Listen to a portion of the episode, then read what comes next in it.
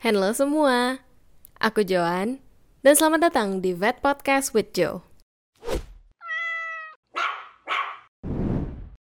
Oke, jadi kalian pernah wonder nggak sih kalau anjing kalian itu bisa nggak ya melihat dalam gelap dengan baik? Atau mereka tuh bisa nggak sih ngeliat warna dengan baik seperti kita? Atau mereka sebenarnya buta warna? Jadi sebenarnya menurut jurnal-jurnal yang udah aku baca untuk nyusun materi ini, uh, sebenarnya itu kita masih tahu sedikit banget tentang penglihatan anjing. Cuman pendekatan yang umum dilakukan untuk menilai kognitif anjing itu ya sebenarnya dari tugas-tugas visual. Terus juga perlu diingat bahwa anjing itu merupakan spesies dengan ras yang sangat beragam, dengan perilaku yang beragam juga. Misalnya, ras hound dulu itu dia berburu mengandalkan uh, penglihatan dan kecepatan berlari. Cuman ras-ras terrier yang biasanya berburunya itu hama di dalam tanah, dia itu mengandalkan indera penciumannya. Nah, dari contoh kedua ras tadi, dapat diasumsikan bahwa mereka memiliki kapasitas visual yang berbeda. Jadi, anjing itu dia lebih bisa beradaptasi terhadap gelap, tapi lebih tidak sensitif pada warna dibandingkan manusia.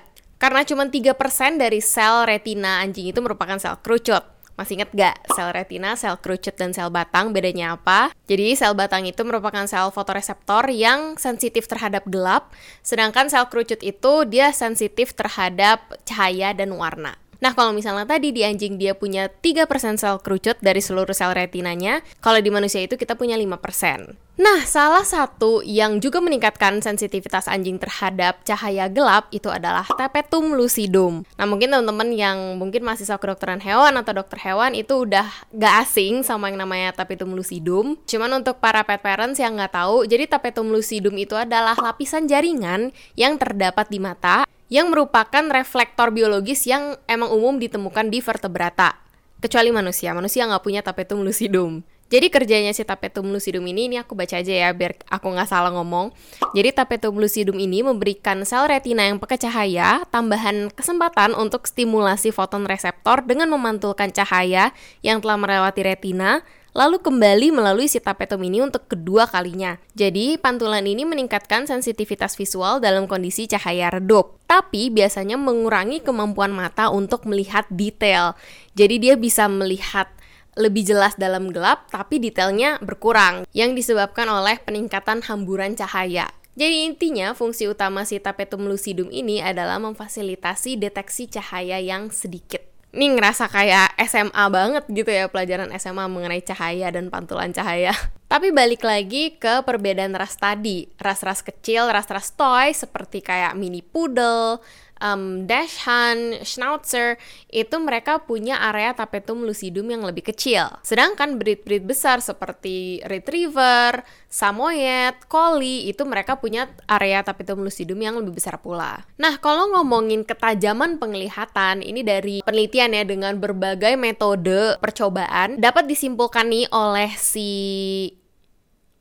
Miller dan Murphy kalau ketajaman penglihatan anjing itu 20 per 75 yang artinya uh, anjing itu bisa membedakan objek dalam jarak 20 kaki yang manusia itu bisa lakukan dengan jarak 75 kaki gitu. Jadi misalnya aku bisa ngeliat nih di sini ada kamera dalam jarak 75 kaki. Nah, cuman kalau anjing itu dia baru bisa lihat uh, dalam jarak 20 kaki gitu. Dia bisa identify that object dalam jarak 20 kaki. Nah, sekarang yang seru nih. Seru tapi agak rumit ya, jujur aku kayak agak susah ngafalinnya, makanya mungkin aku akan baca sedikit-sedikit.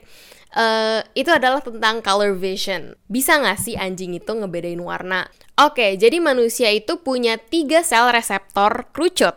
Yang pertama itu long wave, itu untuk warna merah, medium wave, green, dan short wave, blue.